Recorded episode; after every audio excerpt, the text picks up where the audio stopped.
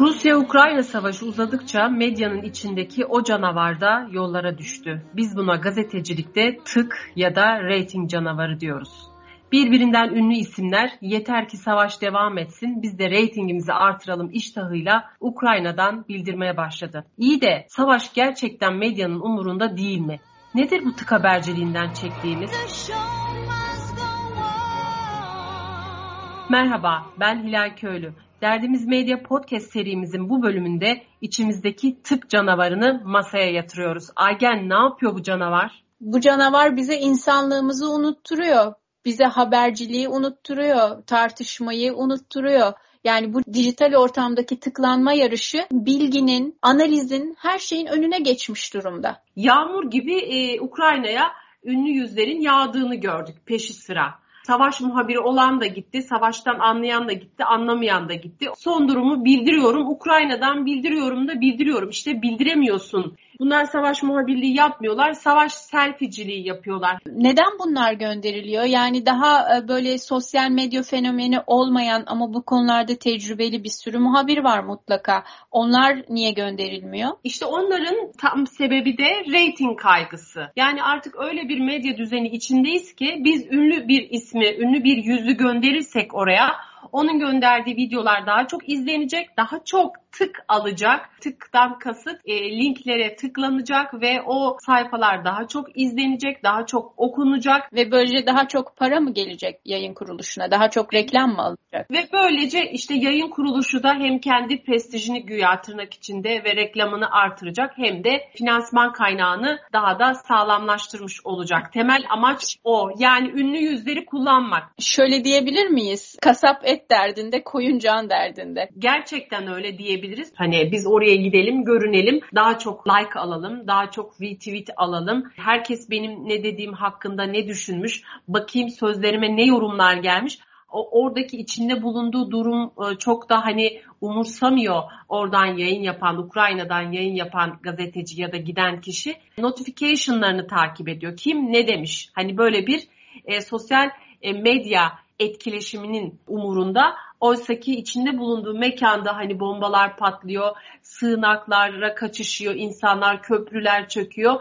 Tamam ben onun bir kere fotoğrafını paylaştım yeter bakayım 100 retweet almış. Ha ona bir yorum yazarsam şimdi 200 retweet'e döner gibi hesaplar yapılıyor. Şimdi Hilal'cim aslında biz farklı mıyız? Bunu da düşünelim. Yani sonuç olarak öyle bir çağda yaşıyoruz ki herkes bir şeyler yayınlama ve like alma peşinde. Bu artık çağımızın bir gerçeği. Ama burada bizim esas problemimiz sanırım yayın kuruluşlarının bunu bir politika haline getirmesi ve daha çok tık alabilmek için daha çok takipçi sayısı olan gazetecileri yani işin uzmanlarını değil de medyatik, sosyal medyatik diyelim gazetecileri göndermeleri. Sorun burada. Ve bu da haberlerin aslında daha çok sansasyonel haberler haline gelmesini, hatta biraz böyle seviyesinin düşmesine falan sebep oluyor. Şimdi bu e, mevzu bahis gerçekten e, rating ve e, savaş tamamen teferruata dönüştüğü için savaş yayınları üzerinden bu tık haberciliğini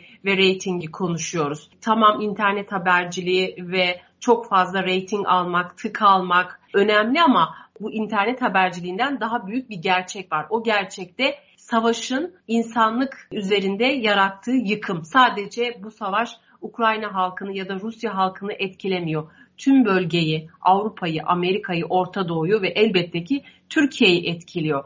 Ama halka sorunca ha işte Putin saldıracak, e, NATO geri adım atmayacak, NATO kışkırtıyor orayı. Yani böyle bir hani sadece başlıklar var. Hatta 3. Dünya Savaşı'nın çıktığını böyle neredeyse işaret eden başlıklar bile gördük geçtiğimiz günlerde. Yani işte bu medyadaki içi boşluk, bu tık haberciliğinde kendini gerçekten somut olarak buluyor. Biz seninle Don't Look Up filmini analiz ederken de gerçekten orada hani hiç kimsenin dünyaya çarpacak kuyruklu yıldızı umursamadığını, medyanın kendisine başvuran bilim adamlarını bile böyle şöhret şerbeti içirdiğini konuşmuştuk. Hani bu, evet. ne olacak? Dünyanın um, kimsenin umurunda değil. Yeter ki show must go on. E, show devam etsin. Ratingler artsın. Yıkılırsa dünya yıkılsın. Yanarsa yansın.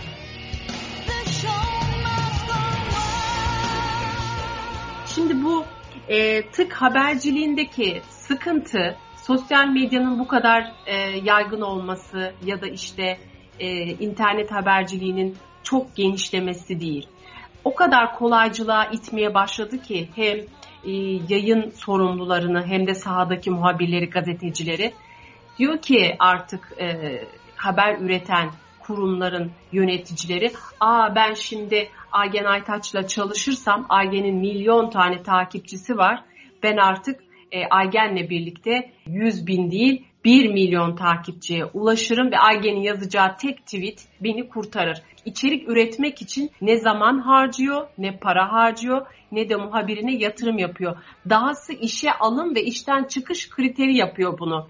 Diyor ki mesela ben işte 300 bin 500 bin takipçili muhabirimi işten çıkarmayayım. Bak bunun bedeli ağır olur.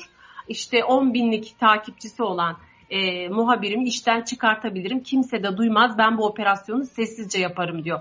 Yani içeriği önemsemiyor. Tabii bu bütün dünyada bir sorun biliyorsun Hilal. Mesela İngiltere'de de bu tür çok tartışmalar oluyor. Her yerde oluyor. Bütün ülkelerde. Trinity Mirror diye bir yayın kuruluşu var İngiltere'de. Orada da mesela şöyle bir politika belirlenmişti. Diyelim ki 100 dolar veriliyor muhabire yazdığı makale başına ve her atıyorum 500 ekstra tık için diyelim ki 50 dolar daha veriyor. Böyle yani muhabir, evet prim veriyor. Bu sefer muhabiri de çok daha böyle haberle içerikle ilgisi olmayan belki başlıklar atmaya ya da çok daha farklı bir araştırma yapacakken belli bir konuda onu yapmayıp halkın ilgisini çekebilecek çok daha sıradan güncel haberlere yönelmeye hani orasını burasını elleyip bu şekilde sunmaya da itebiliyor tabii habercileri. Ya, gazetecilik, iyi gazetecilik umurunda olmayan ne yazık bir e, yöneticim oldu. Ondan yeri gelmişken söz etmek durumundayım. Bana dedi ki hiçbir haber patlatamadın dedi. Patlatmaktan kastınız nedir diye sordum. İşte milyonlarca tık retweet alacakmış. Sansasyonel seksi başlıklar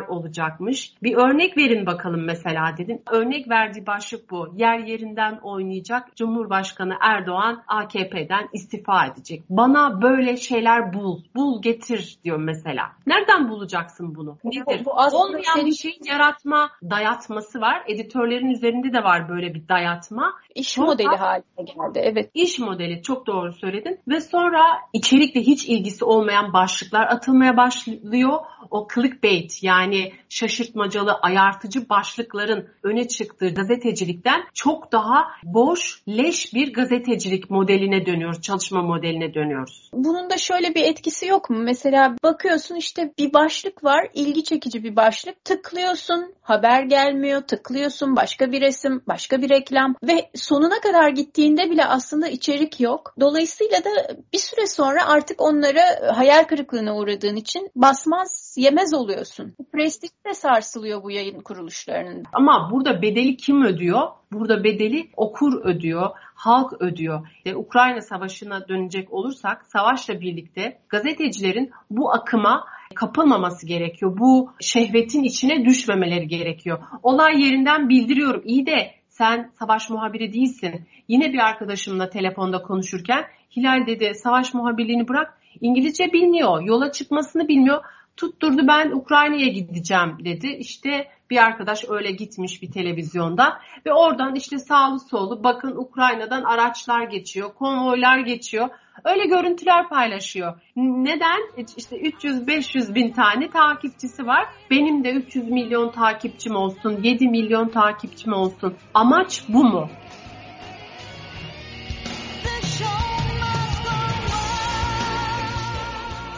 Değerini, içeriğini, üreteceğin, yapacağın katma değeri hepsini takipçi sayın belirliyor. Böyle bir saçmalık yani, olabilir mi? Takipçi ben, sayısı etrafında dönüyor dünya. Evet yani ben merak ediyorum mesela kaç en az kaçla nereye ne yapılıyor? Bu bana Black Mirror dizisinin Nosedive diye bir bölümü var bilmiyorum hatırlar mısın?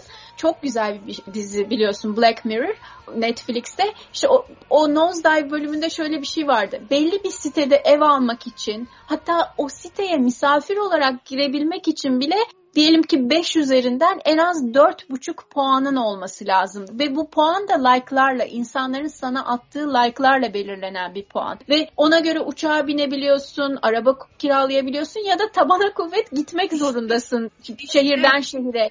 puanın yoksa. İşte Black Mirror Black değil, e, Mirror yani kara ayna değil, ayna. Hani olana ayna, e, ayna tutuyor. Hani senin yani distopya deniyor ama ayna ayna Black değil.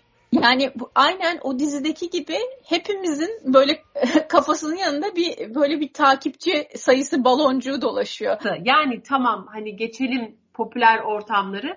Fazla takipçin varsa gazetecilikte değerin artıyor, kıdemin artıyor, piyasan artıyor, ağırlığın artıyor, söylediğin sözün önemi artıyor. Bu bence çok fena avam yani. Bundan sonra herhalde toplumlar böyle e, şeye ayrılacak. Gelişmiş ülkeler, geri kalmış ülkeler ayrımı yapılıyor ya. Takipçiye göre belirleniyorsa ucuz ülkeler olarak kalacaklar bence. Katılıyorum Hilal çünkü aslında eğer şu ana kadar konuştuklarımız da bunu gösteriyor. Eğer takipçi sayısı zaten sansasyonel e, yorum ve başlıklarla artıyorsa zaten evet seviye belli demektir seviye bitmiş demektir. Biz şeyi e, defteri, kitabı, çantayı toplayalım gidelim. Hayır, şimdi şey de olabilir diyebilirler. diyebilirler ki bunların takipçisi yok. Konuşuyorlar, komplekslerini kusuyorlar diyebilir. Aslında hakikaten böyle çok takipçili biri olsa da duygularını alsak, hislerini alsak belki de anlayamıyoruz bu işin güzelliğini. Ya Hilal bak Nosedive'ı ikinci kere izlerken daha bir profesyonel gözle izledim. Yani orada insanların birbirlerine yapmacık şekilde hello how are you this morning bilmem ne demeleri onlara puan kazandırıyor. İnsanlara işte gerçek duygularını hissettirdiklerinde söylediklerinde puanı düşüyor. Yani bunun üzerinden sahte bir dünya üzerinden takipçi ve puan evet. like sayısı evet. var. O şaşırtmacalık, e, ayartan başlıkların clickbait journalism bu noktada böyle sahteciliğin tavan yaptığı bir gazetecilik ortamına dönüşüyor. Gerçekleri yazamıyorsun. Aa evet çok güzel. Bu dizi çok güzel olmuş. Harika olmuş. Hayır ben de beğenmedim Hazal Kaya'nın oyunu. Beğenilmesi gereken kitap ve filmleri beğeniyorsun. Beğenilmemesi gerekenleri beğenmiyorsun ya da sesini kesiyorsun vesaire. Yani bu var ya bu benim olmak istediğim şeyin tam tersi. Hatta işte seyrederken bile boğulduğumu hissettim. Peki Ergen sence şimdi e, nasıl olmalı e, bu reyting şehvetinde? Herkes kaptırdı kendini gidiyor. Sen ne diyorsun? Nasıl iyi bulacağız? Bu konuda e, bir şey söylemeye bile gerek yok. Çünkü yıllardır, son 20 yıldır bu tık gazeteciliği başladığından beri bütün dünyada buna bir çözüm aranıyor. Çünkü herkes bu dertten muzdarip. Bütün dünya basını son birkaç yıldır devam eden bir çalışma var Avrupa'da. Journalism AI Collab Challenge diye bir proje bu yapay zeka ile gazeteciliği birleştiren nasıl birleştirebiliriz araştıran bir çalışma ve Avrupa'nın çeşitli e, büyük yayın kuruluşlarından buna Deutsche Welle de dahil, BBC'de dahil, başka kuruluşlar da dahil tecrübeli gazetecileri ve yapay zeka uzmanlarını, teknoloji uzmanlarının bir araya geldiği ve biz nasıl daha kaliteli malzeme üretebiliriz diye araştırdığı bir çalışma. Diyorlar ki içinde yaşadığımız yüzyıla kadar hep böyle tek bir haber üretiliyordu ve bu haber sunuluyordu. Kime sunuluyorsa herkese sunuluyor. Aynı haber sunuluyor. Halbuki insanların ihtiyaçları ve görmek, okumak istedikleri şeyler farklı. Dolayısıyla biz tek bir haber sunmayalım. Bunun artık modası geçti diyorlar. Biz haber modülleri oluşturalım. Senin gibi bir insan diyelim ki Ukrayna'yı zaten dakika dakika takip ediyor ve senin öğrenmek istediğin şey son andaki olgular. Ve bu sana göre bir modül oluşturuluyor. Ama o haberi hiç izlemeyen bir insan örneğin daha böyle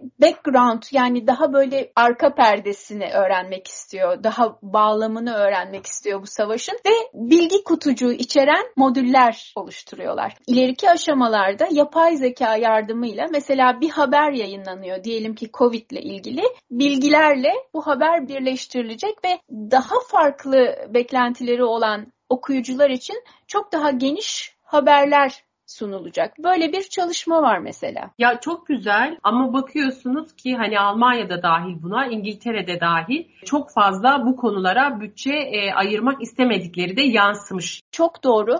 Haberler o kadar hızlı akıyor, gazeteciler, yayın kuruluşları o kadar meşgul ki yani bu farklı modüller oluşturmak, bilgi kutuları oluşturmak bir gazetecinin yapabileceği bir şey değil. Nitekim mesela Almanya'da BR diye bir haber kuruluşu var. Onlar bu iş yükünün paylaşılması için arşiv bölümünden insanları haber yapımına dahil etmişler. Mesela bir haber yapılıyorsa arşiv bölümünden bir ekip de bu habere açılabilecek kutuları araştırıyor. Hani o bilgi kutularına neler eklenebileceğini araştırıyor. İşte burada olay yine nereye dönüyor? Hem akademisyenlerin hem de gazetecilerin kendi performanslarını dert edinmesine dönüyor. Meslek ilkelerine geliyor. Hani çok tartışmalı ya kimisi diyor artık bu çağda meslek ilkesi mi kaldı? Saçmalamayın çok da dinozorlaştınız falan diyorlar. Hayır, meslek ilkelerinin e, hayati önem taşıdığı bir süreçten geçiyoruz. Bunu Ukrayna savaşı çok iyi bir şekilde gösterdi. Bak şimdi Rusya Ukrayna'da öyle bir yeri vurdu ki böyle bir başlık hani bunun kime faydası var? Bir cami vuruldu mu vurulmadı mı günlerce tartışıldı. Böyle kimseyi kaygılandırmaya, korkutmaya, bağırtmaya, çağırtmaya hakkın yok. Hakkın yok ama neden yapılıyor? Bu hızla akan haberlerde biz de okuyucu olarak biliyoruz ki işte cami vuruldu ya da çocuk hastanesi vuruldu başlığını görünce geçebilen insanlar var. Bir yer vuruldu ki deyince tıklayıp haberi okuma ihtimali daha yüksek. Bu var. Ama bence şu da var. Bunun hani biz olumlu yönüne bakalım. Evet çağımızın gerçekleri bu. Büyük bir hız çağında yaşıyoruz ve herkesin ihtiyaçları farklı ve gerçekten de düşünüyorum bu farklı haber modülleri belki de geleceğin haberciliği olacak. Çünkü kimisi başlığı okuyup geçmek isteyecek. Kimisi sadece işte olguları okuyup geçmek isteyecek. Nerede ne zaman ne oldu. Kimisi daha derin analizler isteyecek ve aslında bu bizi zenginleştirebilir de yani bize ben bu görüşe katılmıyorum. Şimdi gazeteciler tarihi müsveddelerini yazıyorlar diye öğretildi bize. Gerçekten tarihi müsveddelerini yazarken o küçücük ayrıntılar o kadar hayati bilgilere dönüşebilir ki biz işte o küçücük ayrıntıların önümüzdeki nesillere, sonraki nesillere taşıyıcısıyız gazeteciler olarak ve bunları doğru taşımak zorundayız. Teknoloji elbette ki güzel biçimde kullanılmalı. İnsanlar da zaten artık Survivor gibi izliyorlar haberleri. Zaten sistemin bilgi ve doğru e, haber akışı e, yaratmayacağına inanan, inanmış, kabullenmiş bir halk var, okuyucu var, izleyici var diyorlar. Hayır, insanların bence haber, doğru yorum, doğru analiz her zaman temel ihtiyaçları olacak. Tabii ki senin söylediğin çok önemli. Yani gazetecilerin doğru anlamlı bilgiler sunabilmesi, gelecek kuşaklara bırakabilmesi tabii ki çok büyük bir rol düşüyor ama belki de her şeyde negatif değil de teknolojinin bize nasıl imkanlar sunabileceğine de, nasıl bizi zenginleştirebileceğine de bakabiliriz. Yani aslında burada en çok da bence gazetecilerden daha çok yayın kuruluşlarına görev düşüyor. Yani evet, ben çok editörleri, editörlerin de üstlerindekileri yapacakları baskıya görev düşüyor. E, yani baskının ağırlaşması gerekiyor. Türkiye'de de internet editörleri tamam diyorlar ki editörlerin birinci görevi fazla tık almaktır. Ama fazla tık almanın da yolları var. Hani bu sahtekarca başlık atma, başlıklar, başlık stratejileri geliştirme, çok fazla hızlı hızlı haber girme. Bak bir yol daha var. O yolda özgün içerik üretme. Hani onun üzerinde e, nasıl çalışılabilir, nasıl kafa yorulabilir, hangi muhabir nasıl değerlendirilebilir, sahaya kimin gitmesi gerekebilir, sahadan e, gelen haberi kim edit edip yayına sokacaktır. Aslında basit bir planlama ve stratejiyle bu iş çözülebilir Aygen. Demek ki kolaycılığa kaçmamak birazcık işi sevip birazcık da bütçeyi yönlendirmekle olacakmış gibime geliyor. Bence sen her okuyucunun ve dinleyicinin bizim gibi olduğundan yola çıkarak konuşuyorsun. Artık bu öyle ki mesela Avrupa'da sanırım BuzzFeed miydi? Yok hayır yine Trinity Mirror'ın bir sayfası vardı, interaktif bir sayfası. Suriye Savaşı sırasında şöyle bir başlık açtılar. Buna interaktif habercilik diyorlardı. Where is Damascus? Şam nerede? Hmm. Yani yani sen böyle tıklayarak bu test sonucu sonucuna ulaşacaksın. Şimdi böyle bu düzeyde milyonlarca tık alınılan bir dünyada yaşıyoruz. O yüzden diyoruz ki hedef kitlenin ihtiyacına göre habercilik. Doğru. Baksana evet. insanlar like edip beğenip geçiyorlar. Yani böyle de bir gerçek var. Başlığı beğeniyor, like ediyor ve geçiyor. Acaba kaç kişi okuyor? Yani aslında bence tık sayısını kale almak bile yanlış. Çünkü tıklıyor, başlığına bakıyor, ilk satırına bakıyor ve belki de geçiyor. Ah ne anlatıyor ki ah, bize bu tık? Ah bu çağ, ah bu insanlar. Ah, ah bu insanların neye zamanı var ki Aygen? Tabii ki bu bizi bence iyi içerikler üretmekten caydırmamalı ve biz dediğin gibi en azından kayda geçsin diye en iyi içeriği ortaya koymaya çalışmalıyız.